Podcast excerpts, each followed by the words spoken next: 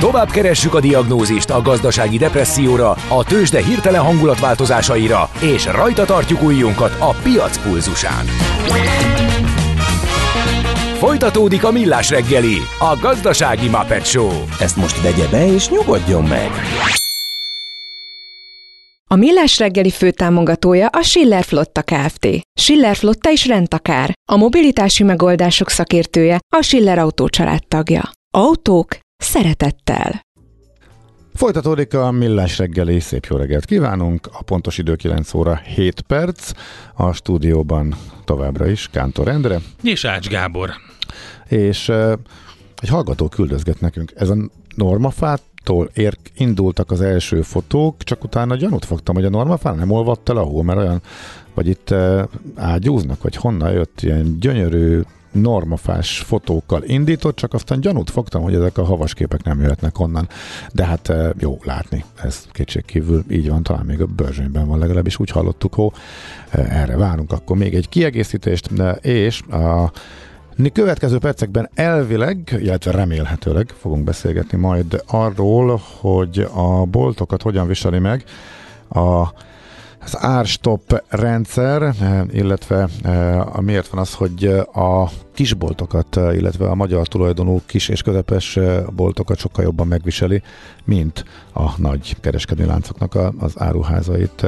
Az az érdekes helyzet van, hogy miközben a kommunikáció a kormány részéről az, illetve az állami szervek is rájuk szállnak, szálltak, őket hibáztatják azért, hogy az infláció elszállt, és az áruk nagyon magasra, az árak nagyon magasra emelkedtek az úgynevezett helyettesítő termékeknél, tehát az ástoppon kívüli termékeken próbálják behozni azt, amit az ástapon veszteségként elszenvednek, ugyanakkor az látszik a kisboltoknál, hogy bármit tesznek, már egyszerűen képtelenek kigazdálkodni, tehát ha akarnának, sem tudnának annyira árat emelni, hogy ne vaskos bukóba forduljanak. Úgyhogy erről fogunk majd Ezzel fogunk foglalkozni ezzel a témával egy röpke zene után.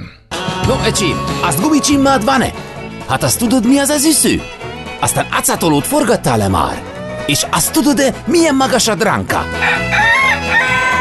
Na majd, ha Mihálovics gazda segít? A Millás reggeli mezőgazdasági percei azoknak, akik tudni szeretnék, hogy kerül tönköly az asztalra. Mert a tehén nem szalmazsák, hogy megtömjük, ugye? Hát egy pár nappal ezelőtt ugye sokan meglepődtek, amikor a GVH bejelentette, hogy vizsgálódni kezd. Mégpedig, hogy van-e versenyjogi oka annak, hogyha valaki e, hirtelen az élelmiszerárakat magasabbra emeli, tehát hogyha hirtelen magasabbak lesznek az élelmiszerárak, vagy teremtődik olyan helyzet, amelyben a szereplők összejátszanak egymással, azt is ellenőrzi, hogy torzul-e a piac, az élelmiszerárakkal kapcsolatban, hát hogy tisztába tegyük ezt a helyzetet, tárcsáztuk Raskó, Görgy, Raskó György agrárközgazdást, aki itt van velünk a vonalban. Jó reggelt, halló! Jó reggelt kívánok! Hát én nem tudom, hogy sokan hogy vannak vele. Én egy kicsit meglepődtem ezen a GVH vizsgálaton, meg a bejelentésen, hogy hát akkor most már itt a versenyhivatalnak vizsgálódnia kell az élelmiszerár infláció hatására. Hát azt gondolom, ez a kormányzati propaganda tevékenység része, hogy valakire hát a bűnösöket kell találni, hogy miért ilyen magas az infláció, főleg az élelmiszerinfláció Magyarországon és hát ugye ez egy gazdasági versenyhivatal állítólagos kartel leket akar találni a beszállítói körben, szerintem nem fog találni, de azért egy mindenképp figyelemre méltó, hogy akkor, amikor az ember vállalkozók nyakába olyan igazságtalan terheket zúdítanak, mint például a kereskedők nyakába tették a részben a büntetőadót, részben pedig a ársapka miatti veszteséget.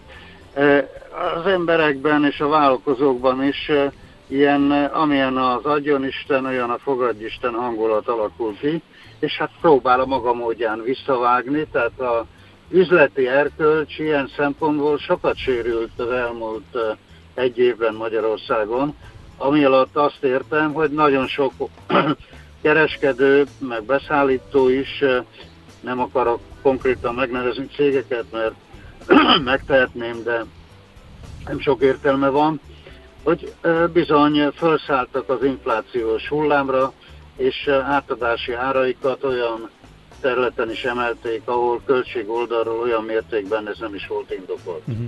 De ugye az igaz, hogy a helyettesítő termékeket emelték, hát végül is kényszerből, illetve ezeknek a termékeknek az árát emelték a kereskedők, az élelmiszer kiskereskedők, és viszont eltérő mértékben tudják a nagy kereskedelmi láncok és a kisebb, főleg hazai tulajdonban levő cégek.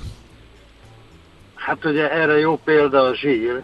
Hát a, a étolaj ugye ársapkát kapott, a zsír viszont szabad áras termék, és hát körülbelül két hónap leforgása alatt a zsír olyan mértékben drágult, ami teljesen egyértelműen a úgymond veszteségcsökkentő lépésnek tulajdonítható, nem pedig a zsír átadási árának az emelkedése okozta. Uh-huh. Tehát a, tényleg vannak konkrét példák arra, hogy különböző megoldásokkal próbálják a kiskereskedők a veszteségeiket csökkenteni. Elsősorban itt a magyar tulajdonú kisvállalkozásokról van szó, vegyesboltokról, hiszen sajnálatos módon, és ez kutatásaim egyértelmű tapasztalata, hogy a több ezer magyar vegyesboltban a lakosság szinte csak ásapkás terméket vásárol, ami akkora veszteség annak a vegyesboltnak, hogy gyakorlatilag egymás után zárnak be, tehát itt hatalmas bezárási hullám van, és a kormány valami miatt nem veszi ezt figyelembe, hogy nagyon komoly áldozata van, és ez konkrétan a magyar kiskereskedelem, annak, hogy az ársapkát ilyen hosszú időre elhúzta. Ez miért van egyébként, hogy ők sokkal, őket sokkal jobban megviseli, mint a nagyobb láncokat? Az árazási hát, készség, vagy, vagy pont azért, mert amúgy is ők drágábbak, és az egyre árérzékenyebb lakosság kimondottan a, az ársapkás termékekre megy rá? Hát mind a kettő igaz, ugye a árképzésben a mozgáster itt minimális, hát van 150-200 árucikk, amit forgalmaznak, e, nyilvánvaló, hogy ott nehéz az átterhelés azzal szemben, akinek mondjuk van 30 vagy, vagy 3000-5000 uh-huh. árucikke, az, ott sokkal jobban eloszlik az emelés, és hát a vizsgálataim azt mutatják, hogy míg az ársapka előtti időben, például 2021-ben a magyar tulajdonú vidéki vegyesboltok elsősorban árban körülbelül 10-12 százalékkal voltak magasabbak, mint az ilyen nagy élelmiszer láncokban, és ez a gap, tehát ez a rés, ez óriásit nőtt, megközelíti ma már a 18 kerekítve, azt mondanám 18 százalék, vagyis olyan elképesztő mértékben drágább a falusi vegyesbolt, hogy gyakorlatilag az emberek valóban csak, szinte csak ársapkás terméket vásárolnak, és minden másért megéri beülni egy a személyautóban, akár társulni egymással és bemenni a közeli kisváros valamelyik diszkontláncába. Mhm. És akkor nézzük, aha.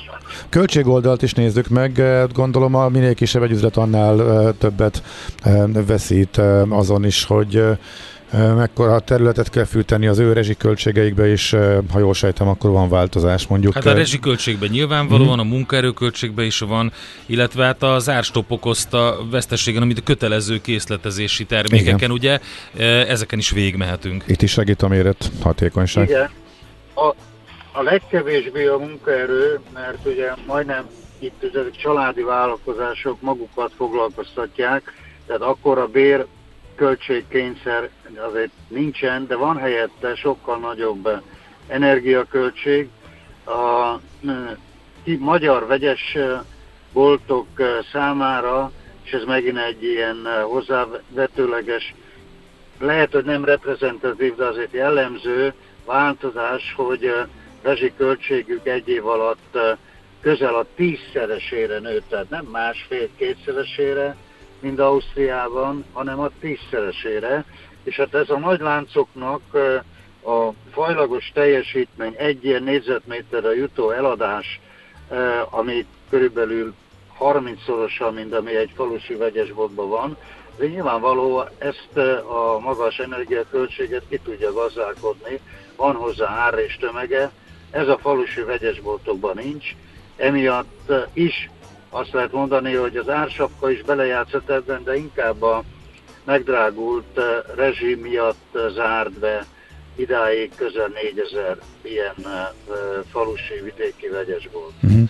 És akkor most mit lehet tenni, vagy mit mondanak a kereskedők, akik bezártak, idéglenesen zárnak be, és megpróbálják kibekkelni most még ezt az április végidőpontot, amikorra most már az a kommunikáció, hogy kifuthatnak a zástoppok, mert hogy most már egyre erőteljesebben mondják a kormányzati illetékesek is, hogy január lehet az inflációs csúcs, és február-március csökkenés után a zástoppok kivezetésre kerülhetnek, és akkor ez varázsütésre javíthatja a helyzetüket? Tehát a kisboltosok, akik addig kitartanak, ők maradhatnak, illetve akik bezártak, újra nyithatnak, vagy, vagy mire számít az? Hát nagyon sokan a rezsim miatt zártak be, és ehhez hozzájött még ugye az ársapka, uh-huh. és hát hogyha ez a, ebből az ársapka valóban április 30-al megszűnik, ez biztosra vehető, tehát akkor javul a pozíciójuk, de a rezsi megmarad akkor is ott a nyakába, tehát azért ötször meggondolja, hogy újra nyisson. A, a, annál nagyobb probléma, hogy az ilyen bezárt boltoknak a törzsvásárlói valahova átszoknak, átmennek, és hát őket visszacsalogatni, ahhoz ugye olyan akciós sorozatot kellene indítani, amire ezeknek a vegyesboltoknak anyagi háttere nincs. Tehát újra kinyitni bizony az egy költséges dolog, ugye marketingben mindenképp investálni kell, hát pont ezek a tulajdonosok rendelkeznek a legkevésbé olyan szabad pénzekkel, amiben egy ilyen látványos újranyitást meg lehet. Hát igen, főleg miután ugye ez a januári időszak is nagyon megterhelő volt a számukra, pont itt a, a készletezési általam említett kényszer miatt, és ha végignézzük azt, hogy a beszerzési adatok alapján mekkora veszteség van az összes ilyen terméken, ami árstoppos termék, akkor, akkor pont egy olyan időszakban, amikor mondjuk egy kicsit anyagilag megerősödhetne, akkor nem tud félretenni, sőt vesztessége van, és ez tovább gördíti a lavinát arra, hogy, hogy hitelképességet is ront ez a szidú, tehát hogy, a, hogy, hogy még azt mondja, hogy oké, okay, még ad egy esélyt ennek az egésznek, és, és hitelből próbálja finanszírozni a, a következő időszakot, de a bank nem fog neki hitelt adni. Hát pont erről van szó, hogy nem csak a hitelképesség sincs meg, másrészt meg a kamatok olyan őrült mértékben fölmentek, ami a forgóeszköz hitelezéshez a legtöbb vegyesboltnak egyszerűen elkerülhetetlen, hogy bizony 18-20%-on fölvenni forgóeszközhitelt, és ezzel finanszírozni a beszerzést, értékesítést, eszméletlen drága játék. Úgyhogy vannak komoly hatékonysági és jövedelmezőségi gátak, ami miatt valószínűleg az ilyen kiskereskedők ezerszer meggondolják, hogy újra nyissanak. Igazából a kormány ezzel a ásapka intézménnyel valószínűleg akaratlanul, de nagyon hatékonyan hozzájárult ahhoz, hogy a nagy nemzetközi láncok élelmiszerkereskedelemi piaci részesedése elképesztő módon megugrott az ársapka bevezetése óta. 32%-ról fölment tavaly 38%-ra, idén valószínűleg már 40% fölött lesz a piaci részesedésük, ami egy akkora e, e, domináns pozíció, hogy gyakorlatilag ezzel a teljes magyar élelmiszer kereskedelem mert kontroll alatt tudják tartani, és még kevésbé van esélye a önálló, tehát a független magyar kiskereskedelmi vállalkozásoknak életbe maradni, pláne nem egy ilyen vállalkozást újra nyitni. Arra van ötleted, hogy ez miért nem kapott figyelmet a kormányzat részéről? Tehát azt például látjuk, hogy a falu, a vidék az milyen fontos, rákényszerítik a bankokat, hogy több automatát nyissanak, bevezetik a készpénzfelvétel lehetőségét épp egyébként az ilyen kisboltokra pályáztak volna, illetve tervezték, hogy ez is majd ezt is majd bevezethetik a kisebb településeken, tehát vannak ez irányba mutató intézkedések, oké, okay, mindegyiknél inkább azért más dárdájával, mintha vernék a bozotot, tehát mondjuk nem a saját zsebéből finanszíroz ezeket a, a kormány, de hogy igazából, mintha ez, ez ügybe viszont tényleg semmi nem történt volna, és nem látszik az, hogy ez a tendencia ellenére lenne a vezetésnek. Miért lehet ez? Egyrészt hát ez, ez nagyon érdekes dolog, hogy mennyire nem számít a, a, az, hogy ezrével mennek magyar kisvállalkozók tönkre, hiszen a kormány úgy gondolkozik, hogy ez érint körülbelül egy olyan 20 ezer, 25 ezer családot alkalmazottakkal együtt, másik oldalon meg ott van több milliós vásárló tömeg, és hát a közönkutatások azt igazolják, és megint egy e, fontos dolog, hogy az ársapka intézménye magyar lakosság jelentős hányadának tetszik, és addig, amíg nekik ez tetszik, addig ezt az ársapkát e, láthatóan a kormány alkalmazza, annak érdekében, vagy abból a célból, hogy e, népszerűsége megmaradjon, esetleg növekedjen. És ez felülír Ja, annak a 21 családnak a tragédiáját, akik ebben teljesen ártatlanul tönkre mennek, hiszen ezt a veszteséget nem ők generálták, hanem a kormány rájuk rakott olyan terhet, ami gyakorlatilag összenyomta őket. De a szavazatuk akkor is csak maximum 25 ezer, és nem pedig több millió.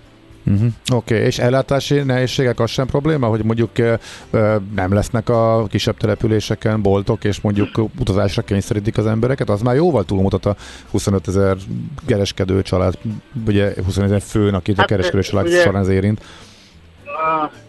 Most az egyik szombati napon egy ilyen faluban voltam egy ilyen kereskedőnél, akinek ott a faluban van ilyen élelmiszer és háztartási vegyjáró kereskedése, és miután ebben a faluban is rajta kívül mindegyik volt bezár, ezért ő négy szemköz kerek perc azt mondta, hogy ez neki végül is hatalmas áldozat, hogy ő nem zárt be, de meg fog ezt térülni, mert a faluban egyedül neki lesz élelmiszervegyes boltja, és hát majd be fognak hozzám szokni azok, akik a másik két boltba jártak, és azt mondja, hogy ezt most úgy tekintem, mint egy eh, beruházás, de egyben egy olyan piacszerzés is, amit eh, az ársapka rendelet megszűnése után remélhetőleg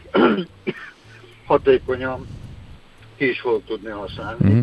Tehát ott is vegyes a kép, tehát akik erősek, akik eh, tudták finanszírozni ezt a átmeneti időszakot, azok paradox módon jobb pozícióba kerülnek, és monopól pozícióba is fognak kerülni, és majd ez a monopól pozíció hozzásegíti őket ahhoz, hogy ez a befektetés megtérüljön. Tehát ahol két vagy három bolt is volt, ott egy megmaradhat, tehát ott koncentráció az meg lesz. Meg az meg megerős. Mm, Oké, oké. Okay. Hát nagyon szépen köszönjük, hogy megvilágítottad ennek a hátterét. Jó munkát, szép napot kívánunk. Köszönöm, minden jót. Szervusz. Szervusz. Draskó György, agrárközgazdász volt a vendégünk az elmúlt percekben. Mihálovics gazda most felpattant egy kultivátorra, utána néz a kocaforgónak, de a jövő héten megint segít tapintással meghatározni, hány mikron a gyapjú. Hoci a pipát, meg a gumicsimmát! Most már aztán gazdálkodjunk a rézangyalát, mert nem lesz itt semmi se. Arról se meg a mindenségit neki. Hamarosan folytatjuk tőzsdenyitással, itt a Millás reggeliben, Mihálovics gazda pedig egy kicsit mondogatott, amikor látta, hogy itt elmegy az idő, és még mindig nincsen a vetésforgó meg. A Brownout zenekart nem biztos, hogy be kell mutatni, mert ezt a formációt már a régi Rádiókafé is játszotta sokszor, de mi is játszuk a Millás reggeliben, viszont van nekik egy ilyen side projektjük, megjelent a Brownout Presents Brown Sabbat, amikor kizárólag Black Sabbath dalokat játszottak el az ő stílusukban, és az akkora siker lett, hogy ebből aztán kihoztak több lemezt. Black Sabbath klasszikus következik tehát a mexikói barátainktól. Energia ingyen. Rádió Café 98. Tőzsdei hírek és befektetői infók a Rádiókafén az Equilor befektetési ZRT elemzőjétől. Equilor, 30 éve a befektetések szakértője. Török Lajos vezető elemző van itt velünk a vonalban. Jó reggelt, szervusz! Jó reggelt, sziasztok! Hát ilyen terhelt hetünk lesz, ugye, mint ahogy már többször mondtuk, az S&P döntés árnyékában, rengeteg minden előtt, Fed, LKB, mindenféle inflációs adat, meg amit akarsz. Hát ezzel kell valahogy így, eh, hogy is mondjam, egy ilyen nehezített pályán megállni a helyünket. Hát mindenképpen, azért pénteken meglepetés volt szerintem, azt a legtöbb elemző köztük én is azt vártam, hogy nem változtatnak, ugye ott negatív volt a kilátásunk, de továbbra is ugye BBB kategóriában voltunk, és 2012. november óta ez volt az első leminősítés. Mindenképpen elég negatívum ez Magyarország szempontjából, elég csak arra gondolni, hogy az adósságunkat mennyivel drágában fogjuk tudni finanszírozni, de szerintem kezdjük is most kivételesen a bocsáss meg, de volt a... ne, nem az van, hogy most még azért éppen a befektetési kategóriában vagyunk. Éppen, Tehát az, hogy, egy, az, hogy pont ott vagyunk, hogy egyel fölötte, a között is van finanszírozási különbség, vagy ha leminősítenek a bóvliba, ott van a nagy gap. A Naiget nyilván a Bowlinál van, de itt is van különbség természetesen, tehát hogyha mondjuk megnézzük a teljes befektetési univerzumot, és azokat vizsgáljuk, hogy melyik kategóriában vannak, akkor itt azért szemmel látható különbségek vannak, uh-huh. de hogy kiemelted, igen, a Bowli és a nem Bowli között van egy óriási, jóval nagyobb gap, de mondjuk ez is ilyen 20-30 bázispontot simán tud jelenteni a hozam görbén. Tehát azért ezt így nem lehet kijelenteni, hogy ezeknek nem, hogy nincs akkora fontossága, persze, hogy nyilván sokkal rosszabb lenne, hogyha Bowliba kerültünk volna vissza, de, de mindenképpen azért ez is számít, tehát én nem mondanám azt, hogy ez itt nem, nem, nem számít és nem olyan fontos, hiszen nagyon fontos, és azért az üzenet is nagyon fontos, és mint a 12 november óta nem volt erre példa, tehát ezért ez egy jóval negatívabb esemény, mint azt csak el lehessen az intézni, hogy továbbra is befektetési kategóriában vagyunk, nincs semmi baj. Uh-huh, Oké. Okay.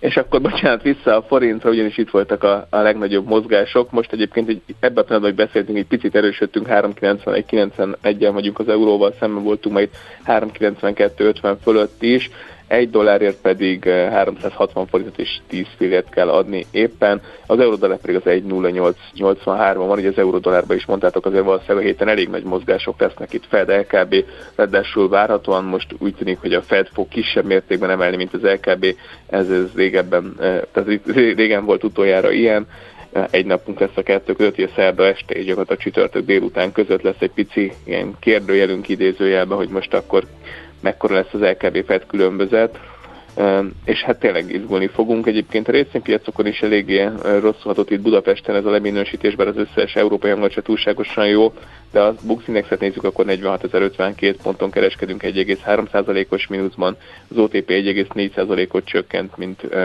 vezető papírunk 11.090 forintra, a MOL 2744 forint van, van ez 1,6%-os mínusz, a Richter 1%-ot csökkent 8160 forint, amíg a Telekom fél százalékot 368 forintra, de a szokásosnak megfelelően mondhatni, igazi forgalom csak az OTP-ben van itt több mint 1 milliárd forint, a MOL-ban 64 millió, a Richterben 188 millió, míg a Magyar Telekom mindössze csak 5 millió forint. Uh-huh. A forint hogy reagált? Egy kis gyengülést láttunk reggel, de most miután megjöttek a befektetők és elindult a rendes, normál, nagy forgalmú kereskedés merre tart?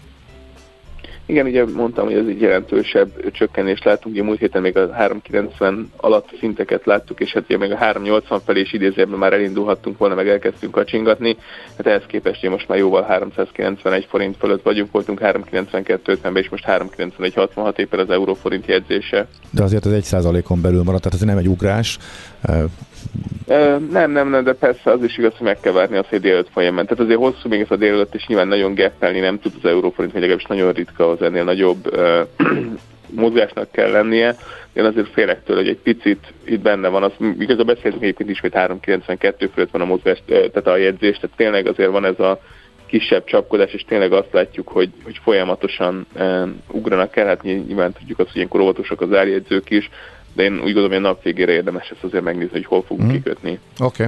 Lajos, nagyon szépen köszönjük ismét. Szép napot, jó munkát! Köszönöm, sziasztok, jó hetet, sziasztok! Szia, szia! Török Lajos vezető elemzővel beszélgettünk. Tőzsdei híreket és befektetői infókat hallottatok az Equilor befektetési ZRT elemzőjétől. Equilor, 30 éve a befektetések szakértője. Volt már olyan érzésed, hogy egyszer csak megtaláltad a megoldást? Aha, aha, aha. A felismerés pillanatában jön el a Heuréka élmény. Aha. A Millás reggeli jövő és trendkutatással foglalkozó tudományos ismeretterjesztő rovata következik. Benne pedig egy kis űrbiznisz és a Hold. Dr. Pacher Tibor, fizikus, a Polispace alapítója, igazgatója van itt a vonalban velünk. Jó reggelt, szervusz! Jó reggelt, szervusz, köszönöm a hallgatókat is. Na hát holdra szállással, holddal kapcsolatban már többször beszélgettünk, de hát ugye egy, egyre inkább fokozódik ez a, ez a, hogy is mondjam, az aktivitás, hiszen 2023-ban, tehát idén összesen 7 holdra szállási kísérletet ígérnek. Hát ez elég, elég soknak hangzik. Ez elég soknak hangzik, így van, mondhatjuk úgy, hogy a helyzet fokozódik a hold irányában, és valóban hét tervezett leszállás van erre az esztendőre, de ha kicsit tovább nézünk, akkor attól függően, hogy milyen becslést nézünk, 100-tól 200-ig terjed azoknak a holdküldetéseknek a száma, amelyeket a következő évtizedre, 8-10 évre prognosztizálnak. Tehát beindul valóban egyfajta roham, ha úgy tetszik a hold felderítésére, feltárására, és itt pedig már a cél az, hogy egy fenntartható állandó jelenlétet hozzunk létre, és a holdon található erőforrásokat elkezdjük helyben felhasználni. Kicsit kitérünk majd később, hogy mik ezek az erőforrások, de kik uh, szeretnének mondani? Hát gondol, gondoljuk, hogy az Egyesült Államok ugye uh, ismét uh, élen jár ebben, de rajtuk kívül kik vannak még? Így van, az amerikaiak úgy tetszik ismét ráléptek a gázra. Ugye ez az Artemis program néven fut, aminek az egyik célja többek között, hogy hamarosan újra űrhajósok járjanak a Holdon. Ez jelen pillanatban 2025-re tervezik, meglátjuk, hogy sikerül-e addigra ezt összehozni.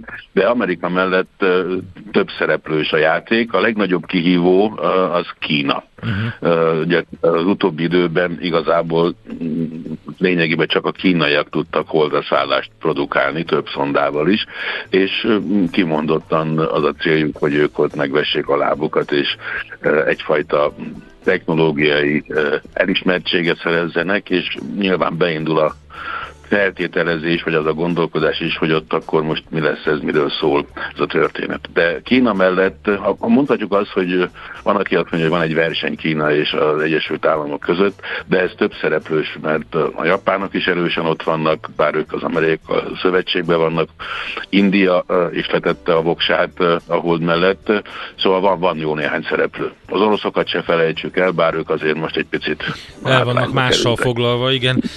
De azért itt lehet látni, hogy tehát a fajsúlyos, akár technológiában, de nem csak technológiában, hanem, hanem anyagiakban is fajsúlyos szereplők vannak itt, ugye Japán, India, Kína, azért ez erős. Oké, okay, mit szeretnének? Az, hogy létrehozni egy állandó jelenlétet, az miért fontos, hogy ott állandó jelenlét legyen? Egyrészt ugye azt mondják, hogy már voltunk ott, ugye jó 50 évvel ezelőtt letűzt, kitűzték az ászlót, az amerikaiak körülnéztünk, nagyon jó, de azt mondják, hogy most már ö, oda kéne menni. Na, nyilván van egyrészt természetesen egy, egyfajta tudományos ö, támogatottsága, szeretnénk jobban megérteni a holdat, a naprendszerek keletkezését, de emögött egyre inkább az van, hogy a mélyűri küldetések támogatásához el kell kezdeni azon gondolkozni, hogy hogyan tudjuk a helyben megtalálható, az űrben megtalálható nyersanyagokat, erőforrásokat hasznosítani. Ugye ez bulvárosan ez az űrbányászat névre hallgat, és bizony a holdban a legközelebb, és sokak véleménye szerint itt lehet tesztelni ezeket az eljárásokat, és kiépíteni az első infrastruktúrát. Igen, és gondolom, hogy az a az a nehézség, hogy a Föld gravitációs mezejét elhagyni rendkívül energiaigényes, és nem mindegy, hogy mekkora teherrel indul el egy ilyen jármű, a Holdról ez biztos máshogy oldható meg. E, így van, ez az egyik rész, a Holdnak ugye e, egyhatoda a gravitációja a Földhöz képest, és sokkal, de sokkal kevesebb energiára van szükség hogy elindítsunk akár egy expedíciót, mondjuk mélyűri expedíciót a Mars irányába, még a légkör hiánya is ilyen szempontból kedvezőbb, tehát valóban van egy ilyen rész neki. Másrészt sokan úgy tekintenek a Holdon, mint egyfajta teszt lehetőségre, egy ugródeszkára, hiszen azokat a technológiákat, amelyeket a Holdon ki tudunk próbálni, azt jó eséllyel a Marson is fog működni. A Mars egy picit kedvezőbb helyszín, csak oda macerásabb eljutni. Igen, igen. Tehát a Hold, de, de a Hold az, az valóban itt van egy ugrásra, ha úgy tetszik. Oké, okay, a maga a technológia az mennyire tekintető kiforrottnak? Ugye hát azért olvasgatni olyan folyóiratokban, technológiai űrkutatási folyóiratban van most valamiféle új uh, meghajtóegység, amit eddig nem gondolták, hogy működni fog, de működik, de hogy alapvetően ebben azért elég komoly verseny lehet a jelenlévő cégek között, hogy mi az, ami jól működik, milyen leszállóegység van, milyen rakéták vannak. Így van, a, a leszálló egységek tekintetében ugye mondtuk, hogy idén hét leszállást terveznek, ebből három amerikai, kettő japán, egy orosz és egy uh, indiai van terbevéve. A két japán közül egyik az teljesen magánvállalkozás, az iSpace nevű cég, csak zárójelben ez a Google-nál X-Prize nevű versenynek a folyamánya, ha úgy tetszik, az iSpace Aha. ebből jött ki, de az, de az amerikai kollégák között is a három leszállásból, amit terveznek, abból a els, egyik első lehet az Astrobotic Peregrine nevű leszállóegységre, szintén az Astrobotic szintén a Google X Prize-ból nőtt ki, tehát ezek így, így jönnek, és ezek viszonylag hagyományos technológiák, de nyilván megpróbál mindenki optimalizálni, főleg mivel elsősorban a NASA részéről egyfajta kiszervezés van, ha nevezhetjük uh-huh. így, tehát a NASA azt mondja, hogy én, én megmondom, mit szeretnék, hogy csinálni, milyen tudományos kísérletet, vagy műszaki demonstrációt szeretnék a Holdon valahol végrehajtani, és keresek hozzá fuvarost. És erre van egy akreditált csoport, cégek csoportja. Hát agilis közül, cégként működik a, a NASA is most már. Gyorsabb, igen, igen, pontosan ezt, hogy sokkal gyorsabban tudnak reagálni, és mondom, ennek következtében, ennek a program keretében, ez CLIPS program, ez a Commercial Unit Payload Services nevű program, tehát kereskedelmi célú oldra szállításoknak fordíthatjuk durván. Ebbe idén három indítást terveznek. És akkor ők visznek mást is? Tehát van ilyen, hogy, hogy egyébként van egy, egy, egy mission, ezt csináljuk, de, egy, de ha már megyünk, akkor mit tudom én, még van egy kis kapacitás, vállalunk mondjuk egy műhold szállítást, vagy valamilyen hasonlót. Pontosan így működnek ezek a cégek, hiszen én mindig azt mondom, egy picit az olyan, mint egy chartergép foglalása. Tehát megvan a fő, a fő utasszervező, adott esetben a NASA, vagy a fő megrendelő, de van még hely. És nyilván ez a ezek a cégek, mivel magán cégként működnek, megpróbálnak utasokat fuvart szerezni, tehát kitöltik még ezt a helyet. Egyrészt magán a leszálló egységen, egyébként így fog a Peregrinen elindulni a mi kicsi téridő plakettünk, az első magyar eszköz, bár csak egy emlékplakett, de ez el fog jutni a holdra, ez a reklámhelye volt. De hasonlóan például az Intuitive Machines, a másik cég, akiknek idén indulása lesz, ők az indítás során szerveznek hasonló dolgokat, hogy adott esetben Ugye ők fizetik a, a nagy rakétát, amire indulnak, ez adott esetben a SpaceX Falcon 9-ese, de ha van mellette hely, akkor még hozzá szerveznek egy műholdat, ami mondjuk hold körüli pályára állhat, vagy egyéb kutatási tevékenységet végezhet. Mi van az emlékplaketten? Az emlékplaketten lényegében egy kis körkép nagyjából Magyarországról nem lett olyan tarka, mint szerettük volna, de 22 különböző gravírozás van, részben logók, céglogók, részben megemlékezések, magyar tudósokról, van egy erdélyi emlék gyűjtemény, hogy mit tartottak fontosnak például a főtér erdélyi portál, magyar nyelvű portál olvasói, hogy mit érdemes megörökíteni. Megtalálják a honlapunkon, ott van, és ez, ez egy ilyen kicsike kis emlék. Plakett egyfajta üzenet a jövőbe, vagy a kis zöld emberkék neki hogy tekinti. Oké, okay, még egy kérdés akkor maradt. Rendben, egy ugródeszka a hold, egy játszótér, lehet így tekinteni rá, de azért van egy csomó erőforrás is, amit ugye, hogy említetted, hogy ha ott terem, teremtjük elő, akkor utána könnyebb vele dolgozni. Mi a legfontosabb? Talán a víz? A víz az egyik első helyen szerepel, ez a vízjég. Ugye talán a hallgatók meglepődnek, hogy egy száraz, jéghideg, tűzforró területen, mint a hold van vízjég, de tudjuk, hogy van vízjég, és leginkább a déli sarkvidék környékén. És azt arra talán sokan emlékeznek általános iskolából, hogy mit lehet csinálni a vízzel, hogyha van elektrolízéssel hidrogéne és oxigéne tudjuk bontani többek között. Az oxigén szolgálhat adott esetben a bázis légkörének a feljavítására, hogyha szabad így mondanom, de a hidrogént utána elégettük az oxigénnel, ezt pedig úgy hívják, hogy rakétaüzemanyag. És nagyon sok olyan rendszer működik, ami folyékony hidrogénnel és folyékony oxigénnel működik. Hát az, a vízjég az valóban az egyik első helyen áll, de van, van sok minden más is. Mi a vízjég keresésbe vagyunk érdekeltek egyébként. Hát nagyon izgalmas a, hold továbbra is, reméljük, hogy bejönnek ezek a várakozások 2023-ban, mert egy kicsit elhanyagoltuk az elmúlt időszakban, de hát mindenképpen mindenki, mindenkinek a, a, a javára szolgál, hogyha ezek a fejlesztések átmennek, mert mindig lecsorog valami, még a hétköznapi felhasználású dolgokra is. Ez így igaz. A világűrt hasznosítása, fel, az űrtevékenységnek nagyon-nagyon sok konkrét haszna van a mindennapi életünkben is. Oké, okay, Tibor, nagyon szépen köszönjük, érdekes ez az emlékplakett is, meg fogjuk nézni az oldalon, hogy mi van benne, és beszélünk még az űrbiznisztről. Köszönjük szépen, szép napot! Indulok idén a holdra még is, köszönöm szépen! Dr. Paher Tiborral beszélgettünk fizikussal, a Pulispace alapítójával, igazgatójával. Heuréka élmény! A Millás reggeli jövő és trendkutatással foglalkozó tudományos ismeretterjesztő rovata hangzott el. Aha, aha, aha.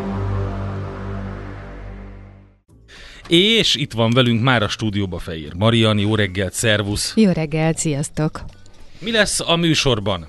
Hát két ö, izgalmas téma, illetve két izgalmas személyiség ö, lesz hallható. Tíz órától jön Dömötör Dóra, optometrista, akivel leginkább, inkább összehúzta az szemét. Nem, hogy elmondom, ha, tudod, amikor ha, hallottam, de nem tudom, hogy mi ez pontosan, hogy mit csinál ő. Hát ez a szemmel összefüggő, nem, ez nem szemész orvos az optometrista, hanem a, de az optometrista is vizsgál, Aha.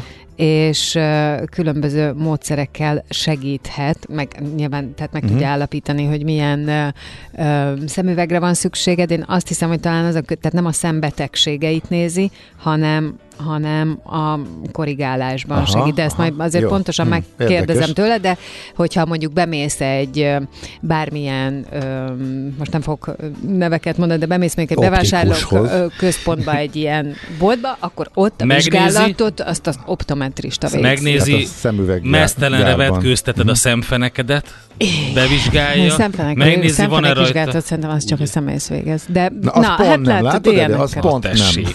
Igen, de hogy arról beszélgetünk, hogy az elmúlt években kb. úgy a gyerekek, mint a felnőttek is a, a számítógépek, az okos eszközök mm-hmm. elé kényszerültek, ami azt jelenti, hogy az addigihoz képest, ugye most már kb. 100%-ban a látásoddal szerzett meg az információkat. Előtte azért nem volt ez ennyire kitett, ez a szerv. Igen és azt tudjuk, hogyha a szem fárad, meg a szemnek problémája van, meg nem megfelelően van korrigálva, akkor az kihat minden másra. Igen. És a Dórának van egy módszere, hát nem az ő módszere, de nem Magyarországon tanulta, ez pedig a Vision Therapy, ami amiről azért fogunk beszélgetni, mert ez egy olyan elsajátítható Nagyon jó. dolog, ami megoldja azokat a problémákat is, amit esetleg mondjuk egy szemüveg nem. És akkor Ez hát nagyon jó, ebben... ez a szemfáradékonyság, az a leg, ö, legrosszabb dolog. Én egy pár évvel ezelőtt olvastam, hogy főleg aki monitorral dolgozik, vagy moni- monitor előtt dolgozik, azoknak nagyon jó ilyen szemtornák vannak, hogy mit kell csinálni, mit tudom én, 20 percenként körülbelül. Ugye az az egyik legnagyobb probléma, hogy ugyanoda nézel mindig. Tehát a távolság az ugyanakkora, és a szemed nem fókuszál egyáltalán, Igen. és hogy ezek az izmok, amik ezt segítik, ezek így, em, hát így elfáradnak, vagy így, és hát erre van az, hogy messzire kell nézni, egy másik Ide pontra kell, kell, oda oda kell, kell, igen, és ak- akkor ak- és jobbra, akkor balra, meg masszírozni egy picit. De, de hát érzed is, nem? Amikor Aha. Sokáig nézel valamit. Aha. és akkor utána elkezded ide-oda forgatni, hogy, hogy jobb, hogy kikönnyül. Oké, okay. Aztán a második órában pedig jön Zelencsuk tíme, a zene és táncművész, pedagógus karnagy, és nem utolsó sorban párkapcsolatgazdagító szakember, akivel Párkapcsolat gazdagító! Nagyon jó. imádom. Ugye milyen szép szó? De tényleg jó. Azt a. Komolyan. És párkapcsolat gazdagító táncról fogunk beszélni, mert hogy Ó. az ő módszerében benne van a Azt úgy tánc hívtuk tanulás. Annó Igen. általános Igen. iskolában, hogy lassúzás. Úgy, úgy. Gyere, lötyögjünk, gyere, lötyögjünk egyet. Lötyögjük. Úgy, úgy. Jól Nálam van a emlékszel. házi buli egy-kettő zenéje. Úgyhogy Hát ez tök jó. Jól emlékszel, Endre. És akkor ez sem jó. volt mindegy, Tetszik. hogy a lassúzásban mennyire vagy közel. Az fú. És, Ahogy és az, csak így, Ja, vagy- nem, az úgy Hát van, hogy, hogy közel kell lenni, de hátul egy kicsit el kell húzni. Lassúzástól a, igen, sokat terik hallottam így. Távolból kezdtük, Abszolút. és utána sokat elárult az, hogy mennyire Mennyire vonzódsz, igen. közelíteni. Hát, És hogyha haverod ha- volt a DJ, akkor sok lassú jött egymás után. Volt úgy, sőt, igen. Volt, volt olyan van. mocsok, aki pénzt kért ezért. Tényleg? A vidéki diszkóban. A- Igen, igen. Há, jó, na jó, Hamar majd rájött a egyszer, majd. Van egy fontos kérdés Marianhoz, hogy a Ja, tényleg, a mi- macskás millás fiú. macskás fiút kérdezték, hogy nem tudták végighallgatni, hogy vissza lehet-e hallgatni valahol. vagy Idővel hogy- minden megoldódik. Jó, Ez az. szóval lesz- Nagyon jó lesz, válasz. ez a Rettentően, lényeg. rettentően szórakoztató volt a Én is Balázs. hallgattam. Nagyon, Én is hallgattam, nagyon hogy, vicces hogy, volt. Hogy mesélt Mircikéről? Nagyon jó. Mircike is. menőzik. Én meg. is meg akarom hallgatni. A, Jó volt az- nagyon. Gyors, kell, kell. Hú, én is alig várom, hogy meg lehessen, vissza lehessen. Szuper. Igyekszem. Tehát jön Fehér Mariannal a pont jókor, utánunk nagyon-nagyon jó témák, már írta is egy kedves hallgató, hogy főiskolai diploma, optikus és technikus együtt. Úgyhogy itt van a, ő meg, Aha. Zoltán megfejtette. Azt Ja, az optometrista. Igen, így van. Igen, Így hogy van. mi a főiskolai Igen. diploma. Igen. Aha, oké. Okay. Hát nagyon szépen köszönjük. akkor innen folytatjuk, mi pedig e a stúdióból kimegyünk ugyan, de veletek ott Dolgoztok vagyunk. tovább. Dolgozunk tovább, igen, tudod, ezt direkt azért mondtad, mert a múltkor mondtam, hogy ez nem úgy van, hogy nekünk itt véget ér a, a, De hát az ezt én életünk. pontosan tudom. Hát ez, Igen. ez nem ilyen. Szóval, hogy azt szerettem volna mondani, hogy a Facebook oldalunkon, meg a Viber oldalunkon veletek vagyunk, ott továbbra is tudtok kommunikálni velünk. 6.30-kor holnap az élőadás, 6-tól a legjobb pillanatok ismétlése, addig pedig maradjatok itt a kafén, rengeteg jó zene, tök jó témák, úgyhogy nincs is mit csinálni, ne is kell hozzányúlni ahhoz a gombhoz. Szóljon a rádió. Sziasztok!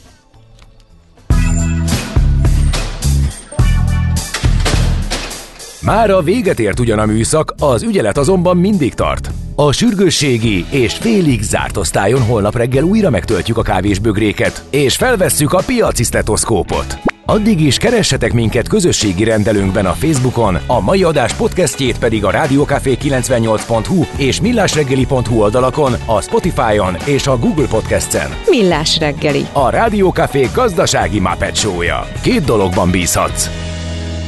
Az egyik mi vagyunk.